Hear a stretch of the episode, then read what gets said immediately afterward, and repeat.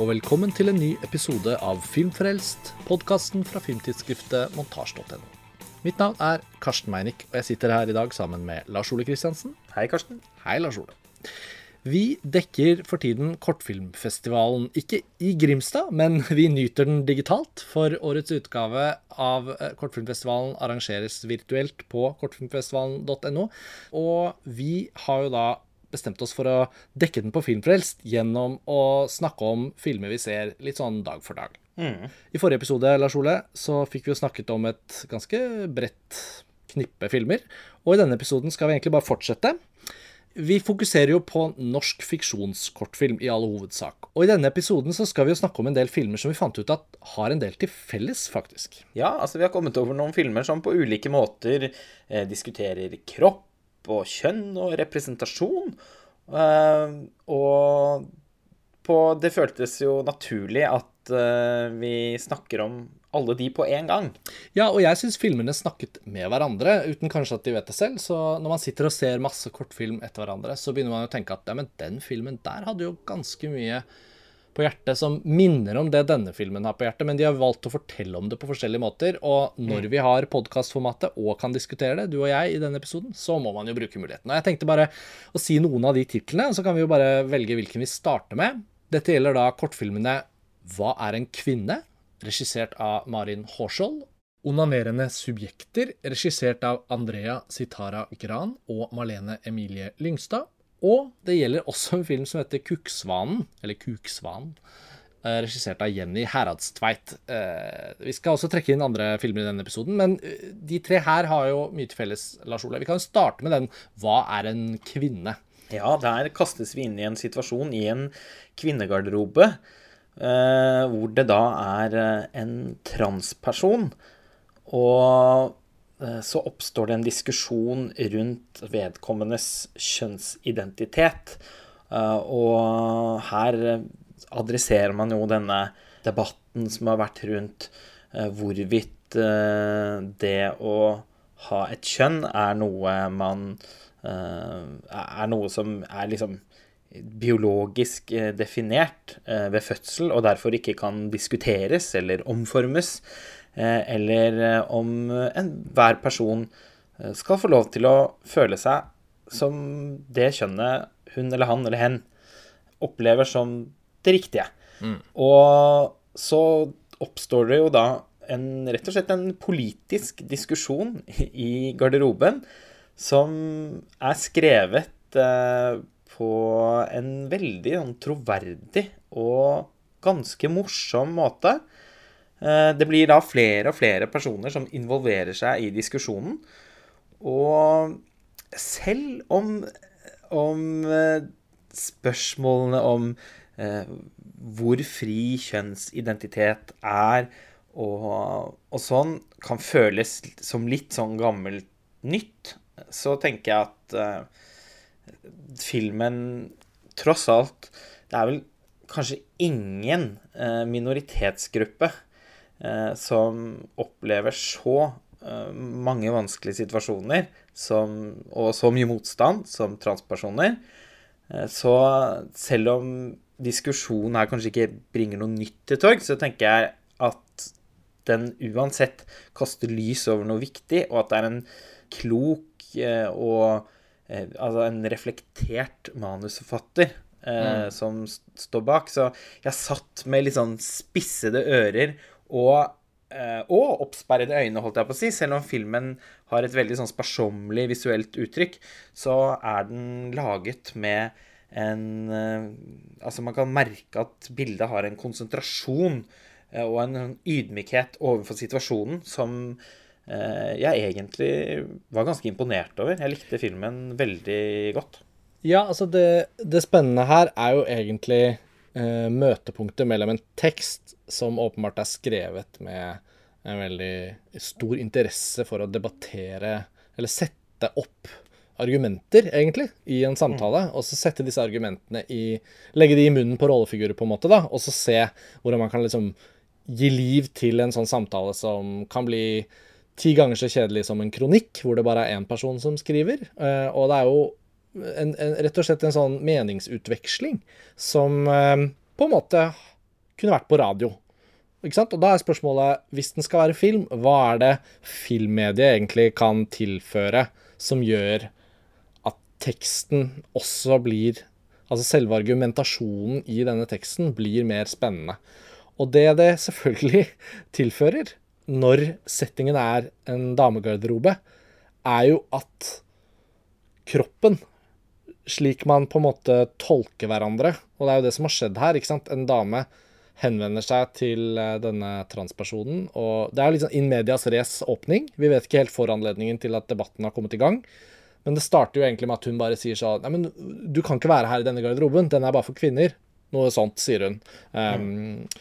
Og så er det jo venninnen, faktisk, til transpersonen som, som tar uh, debatten med denne Ja, vi får si litt mer konservative uh, damen, da. Som mener at en damegarderobe er for personer som er født som jenter, og som kan på en måte stå rett opp og ned og si at de er jenter, og har alltid vært det, på en måte. Men hun er også Men hun er jo, selv om hun da blir selvfølgelig oppleves som konservativ, så tror jeg ikke hun opplever seg sånn selv. For hun er jo på en måte liksom en liber... For hun er jo feminist. Ja, ja det er jo det som er så Det er derfor også argumentasjonen blir spennende, fordi du føler på en måte at egentlig burde jo alle disse som nå diskuterer med hverandre, egentlig snakke samme sak. For det er jo litt det man føler at de vil. Men de finner ikke helt ut av det, da. Nei, og eh, jeg syns det er kult at filmen eh, ikke er eh, uten veldig tydelige eh, standpunkter, egentlig. Selv om mm. eh, jeg syns det vil være underlig eh, hvis filmen på en måte Altså, sympatistrukturene som fins der, sørger jo tross alt for at man blir nokså forbanna på hun irettesettende dama der, da, som etter hvert i, ja. eh, blir motsagt av, av, flere andre personer, men også får noen litt sånn overraskende støttespillere med, som kommer fra et helt annet sted, mm. eh, og som egentlig bare ser veldig pragmatisk på situasjonen, på en måte som også oppleves som, som, som, som krenkende. Og så, så, blir det bare en veldig sånn Men jeg syns det er kult at filmen eh, Den har ingen sånn eh, pekefingre eller noe sånt noe. Eh, og ikke to strekker under svaret. Den er eh, Den inviterer oss til å, å snakke om noe. og det i seg selv er veldig fint, da. Ja, den stiller krav til tilskuerens blikk på en interessant måte, fordi ved at den ikke egentlig har rollefigurer, altså dramatiske rollefigurer. Det er ingen av personene i denne settingen som vi blir kjent med som liksom psykologiske mennesker utover hvordan de argumenterer, og hva de sier. Men det vi får, er jo utseender. Altså, filmen mm. tvinger oss til å bruke blikket vårt, som ingen kan si at er helt fordomsfritt. ikke sant? Man, man ser på et menneske, og så tenker man en rask tanke, nesten helt ubevisst, om hvem man tror de er. Eh, ikke sant? Hvis du ser en person som har skjegg og ser ut som en mann, så tenker man det er en mann. og um, det er jo castet uh, en skuespiller til denne transpersonen som på ingen måte ser ut som en mann. Og dermed er det jo også Jeg, jeg sitter jo og ser på film og tenker sånn Ja, men hvordan kan hun egentlig vite at dette er en transperson? Ikke sant? For vi får ikke se starten på debatten. Mm. Så det er jo veldig lite ved hennes fremtoning som gir signaler om at hun er sånn eller sånn. Og sånn fortsetter filmen, fordi etter hvert som forskjellige rollefigurer, eh, altså damer som kommer inn og ut av garderoben da, og går inn og ut av kamera Og som involverer seg. Nettopp. Så blir vi hele tiden tvunget til å lese av denne personens fremtoning. Og tenke ja, hvem er hun da? Hva slags dame er hun? Eller, og, og, den som er minst interessert i debatten, er jo hun transpersonen selv. Mm. For hun blir jo egentlig en lytter. Og så er det vi, publikummet.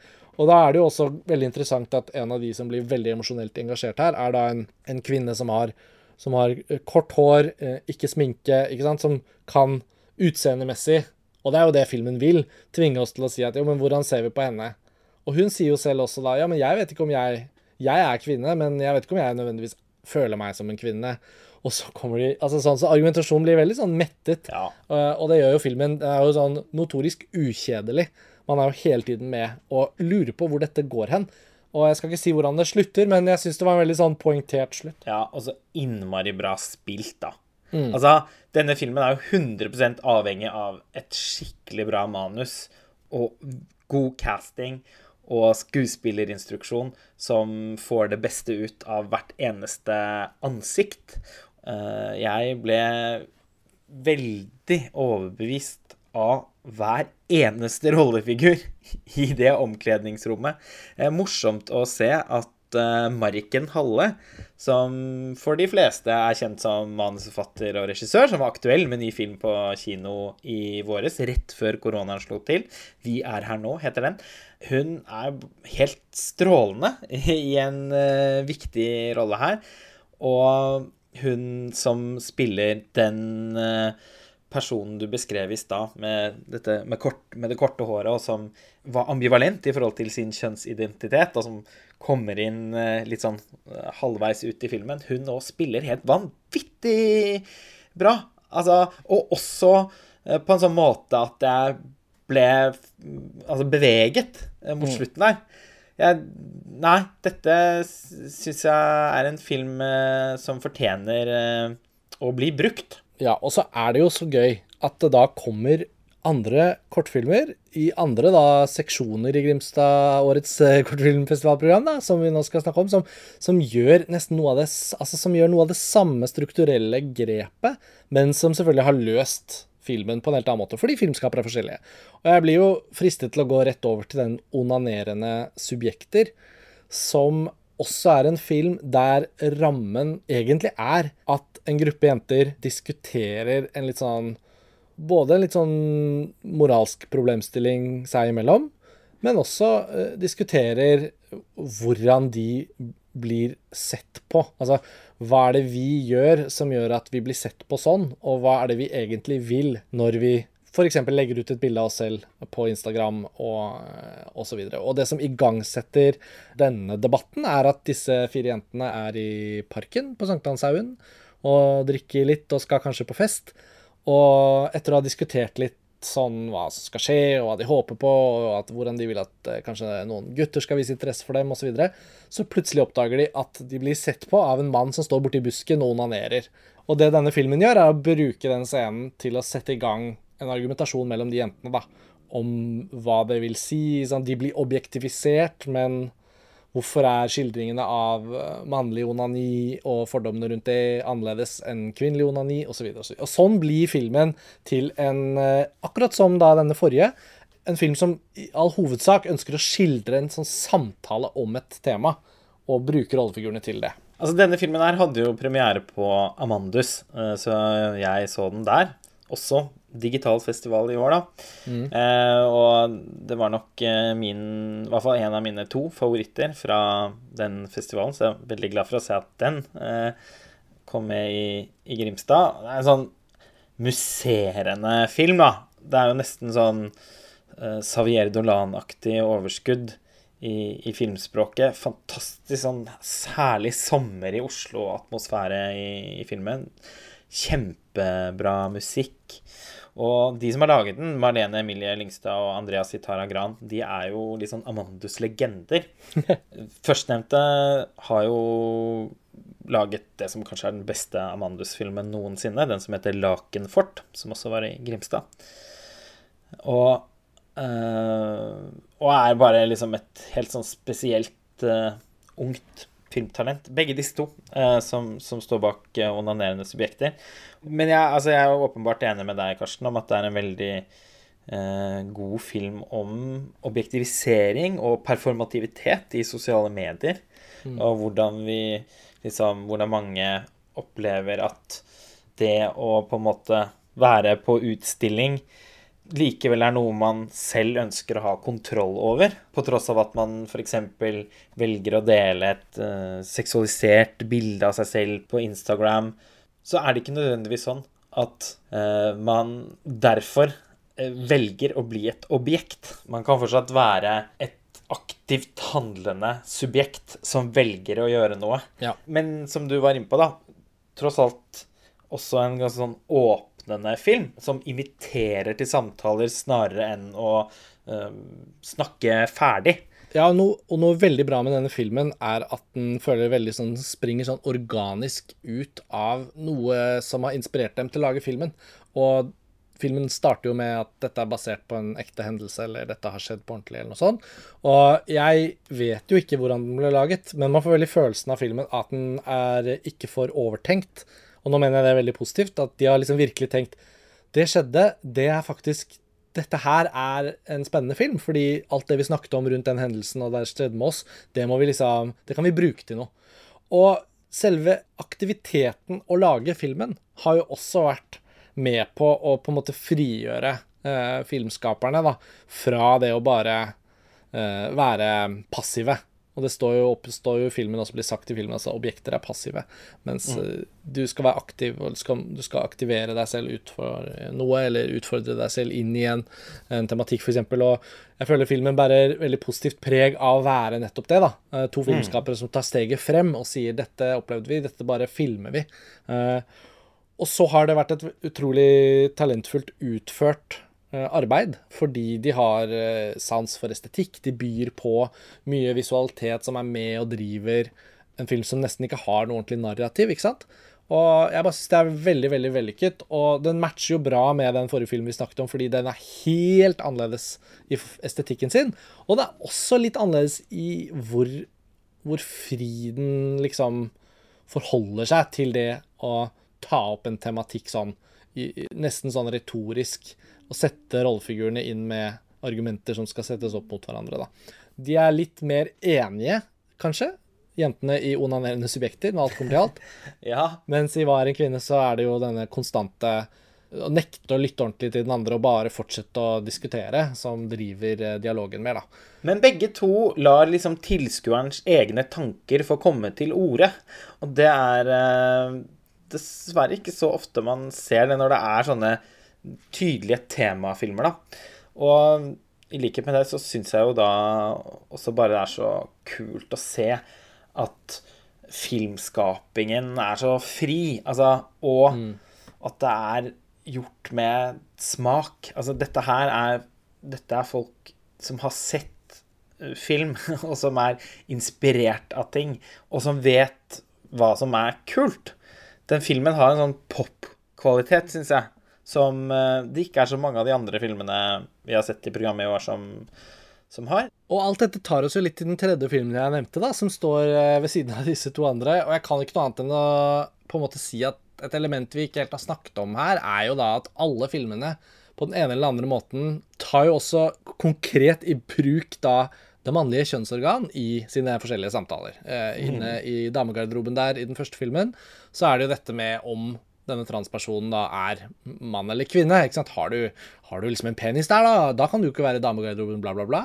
Og i eh, onanerende subjekter så er det jo selvfølgelig ikke sant, kjønn i form av helt konkret at de snakker om onani, og det er jo han uh, han uh, borti busken der som står og onanerer i buksa, og jentene snakker jo også om gutter og liksom Det er veldig åpent og konkret. Og så har vi denne tredje filmen som heter 'Kukksvanen', og som er veldig bokstavelig eh, opptatt av eh, det, nettopp fordi det er da denne skulpturen som eh, er ute i Akerselva utenfor Blå og Ingensteds. Eh, som blir sentrum for en fiksjonsfilm om en uh, ung kunstner som har sett seg lei på denne kuksvanen. ja. Og hun skal på død og liv uh, få gjort noe med den skulpturen som hun mener er symbol på patriarkatet, som de har levd under og lever under. Og hun er sint, og hun har ideer, og hun skal gjøre noe med det. Og hun har søkt støtte, og sammen med en venninne så skal de gjøre en performance som en gang for alle skal kastrere denne kukksvanen da ute i aksjelva. Og eh, det er premisset for filmen Lars Ole. Dette var jo en, en, eh, Hva skal vi si? Den, den, den skiller seg også fra de to andre. Ja. En performance uh, som involverer avdukningen av en gigantisk fitte, som det blir sagt. den er jo utrolig morsom fordi den begynner på en måte med en, en, en ferdig liten kortfilm. Altså, samtalen de to venninnene har uh, rundt uh, over kjøkkenbordet, mm. som munner ut i den performancen og mm. responsen, mm. den veldig positive responsen uh, som de får på dette her etterpå, det er på en måte Da er liksom filmen nesten ferdig, holdt jeg på å si. Men så er den likevel ikke det, da. Fordi eh, hun hovedpersonen blir antastet på festen i etterkant. eh, På Ingensteds der. Så møter hun da på en, eh, en venninne som, som har vært, eh, vist sitt engasjement for, for kunstverket til ja, hun venninnen, da. Og som skal på en måte roe henne ned og, og, og trøste henne i den For hun er, det blir jo en sånn panikkaktig situasjon for, for henne. Og da er det også sånn at den, det enorme hatet mot den kukksvanen, det begynner å brenne igjen. Og eh, da opplever hun venninna at det tross alt eh, er, eh, er litt ureflektert. Det, hun hun syns det var ok med den performancen og sånn, men eh, hun har også noen innsigelser mot venninnens eh, forakt for, for skulpturen. Kan du ikke bare skrive en kronikk, da? Ja, altså hun og, Ingen leser kronikker! Nei, men det er ikke så mange som ser på performancer heller. Og jeg tror hun venninnen da føler at eh, det er ikke grundig nok eh, tenkt igjennom dette her. Og at uh, hvis man nå skal dra det enda lenger, så er det viktig å bringe mange perspektiver til torgs. Og blant annet så nevnes det da at kunstneren bak er tyrkisk og homofil, og at Kuksvann er da ansett som et viktig symbol for Oslo Pride. Og så blir det kjempevanskelig, da. Det setter en brems i et velmenende ønske om å gå inn i en tematikk og virkelig ta tak, da, og bruke kunsten sin som en slags aktivisme. Og å få pushet gjennom endringer og få revet ned symboler på patriarkatet. Altså, hun har jo alt Hun tenker jo riktig, og det er jo berømmelig hva hun egentlig vil. Men hun går seg vill. Hun går seg vill i ideene om å, å, å få, få på en måte ender opp med et sånn feilplassert raseri, da. Og så er det noe med denne filmen som ikke er helt eh, skal vi si Det er ikke helt smooth strukturert og fortalt. Det er visse ting jeg hang meg litt opp i som egentlig undret meg litt. Jeg vet ikke helt om Jeg følte at filmen landet alle de forskjellige trådene, men jeg syns jo i all hovedsak den var eh, veldig bra, fordi den har eh, mange spennende sekvenser og, masse energi som jeg syns det er gøy å følge med på. Og så hun eh, som spiller hovedrollen, da, Anna Ladegård, som også er filmens manusforfatter. Den er regissert av Jenny Heradstveit, men den er skrevet av Anna Ladegård. Hun er et funn. Hun var veldig bra. Det la jeg merke til med en gang. at hun, hun, Det er ikke så lett å få, få til det å spille en rollefigur som både er veldig sånn engasjert og snakker og har liksom ideer og sånn, som kan virke litt sånn improvisatorisk. Men så etter hvert så blir jo rollefiguren også en veldig sånn kompleks psykologisk figur, som må liksom ta inn over seg eh, at hun ikke helt blir hørt, men at hun også Ja. har veldig mye hun skal si, osv. Og, så og det spiller hun virkelig bra. Ja, for hun utvikler det eh, også med, liksom, med ansiktet og kroppsspråket sitt. På en eh, Og med komisk timing, da, ikke minst.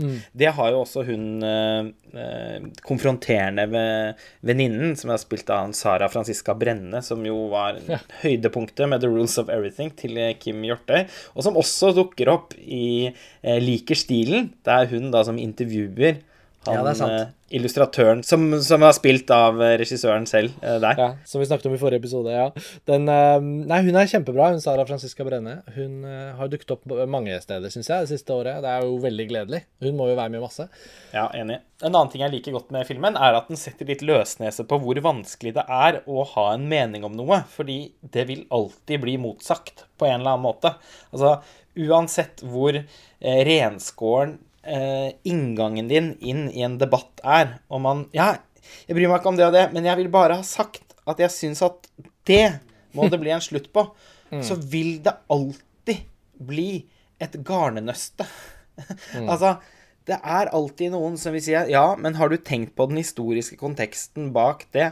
Har du tenkt på at også de og de eh, opplever situasjonen på sin måte, og de eh, blir krenket hvis du Altså, det er, det er innmari vanskelig å manøvrere nå, da. Eh, hvis man skal virkelig liksom ha sterke meninger og eh, et rent liksom, moralsk kompass.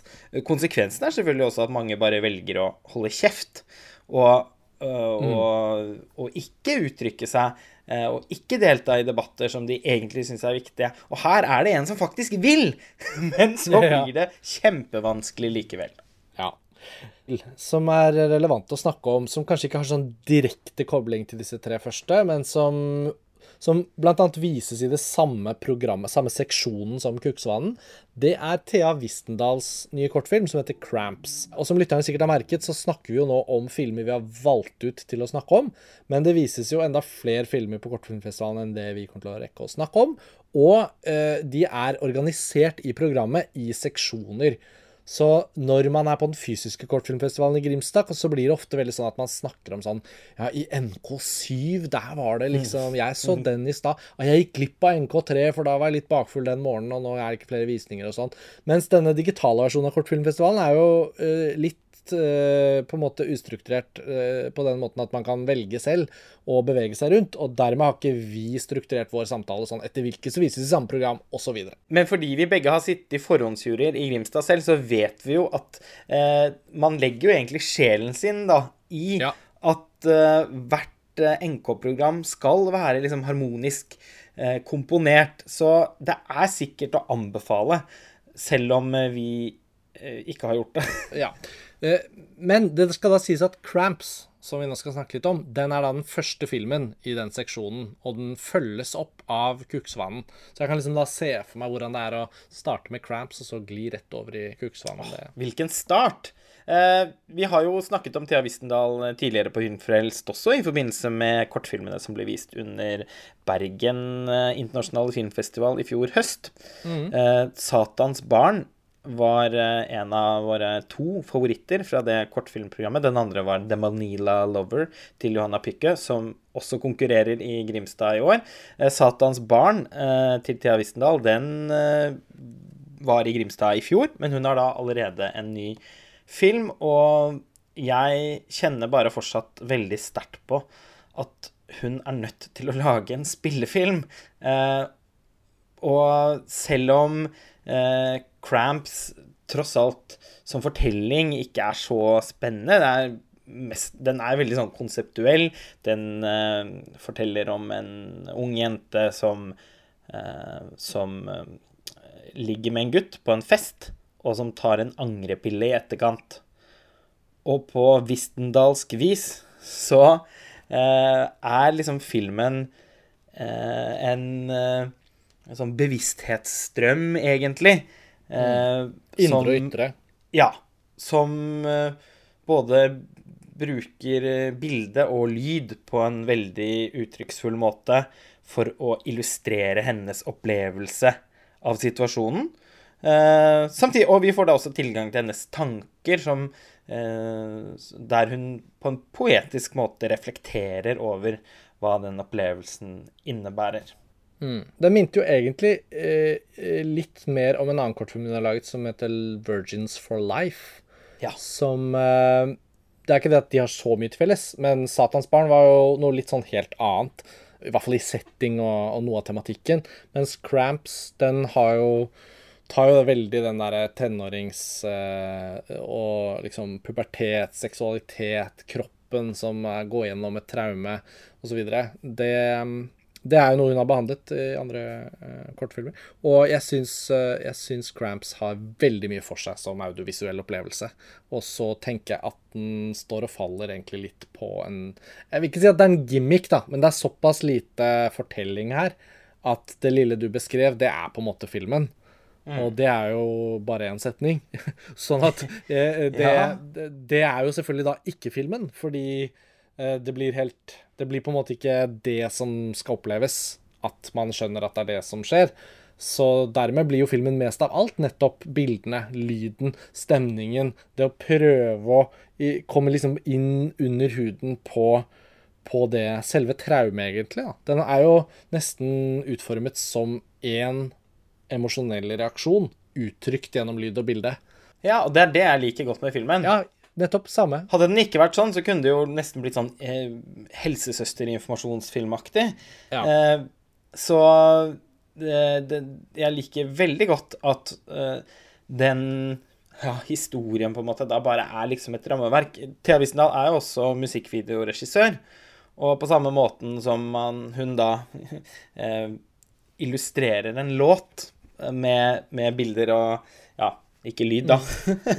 Men eh, så er det jo på en måte også Den, den, den har jo noe eh, musikkvideoaktig over seg, eh, denne Cramps, egentlig. Fordi hun forsøker å gi form til en følelse istedenfor en låt, da. Men det er så bra lagd. Altså, det er så Altså, hun har så sinnssykt god smak. Og en superbra fotograf, da, Pål Ulvik Rokseth, som har samarbeidet med Paul Greengrass. Eh, gjør seg ikke akkurat bort her, for å si sånn. Og kostymene, castingen, ansiktene, eh, produksjonsdesign Altså, det er på et så mye høyere nivå enn så mange andre filmer i denne konkurransen her, som jeg har sett så langt, at eh, eh ja, ønsket om at Thea Wissendal skal lage en av tidenes kuleste norske spillefilmer, eh, det er fortsatt intakt. Carpe Diem-fansen syns jo sikkert allerede at hun har gjort det, siden hun har laget Adieu Montebello, som gikk på kino. Ja, men det er en sånn hybrid eh, Nettopp. Og, jeg skulle til å ja. si det, at den er jo da ikke Det er ikke det vi mener når vi sier at vi har lyst til å se en spillefilm av Thea Wistendal, men den er jo ikke noe mindre accomplished, selvfølgelig, som kinofilm. Ja, og det er jo en symbiose mellom henne som musikkvideoregissør og medskaper i et konseptuelt uh, filmunivers som Carpe Diem. Men eh, å, jeg vil se det talentet hennes, og så liksom da slå ut i full blomst i en uh, dramatisk uh, filmfortelling, mm. men som gjerne må være Altså, jeg er ikke ute etter at hun skal lage film som er mer narrativ enn det kortfilmene Eller narrativt orientert enn det kortfilmene hennes er. Tvert imot. Jeg savner jo norske spillefilmer som er mer opptatt av atmosfære og av å Eh, mm. Både, ja, som jeg sa i stad, gi form til følelser, eh, og da samtidig også vekke eh, følelser og, og henvende seg til sanseapparatet til tilskueren, snarere enn å fortelle såkalte gode historier. Mm.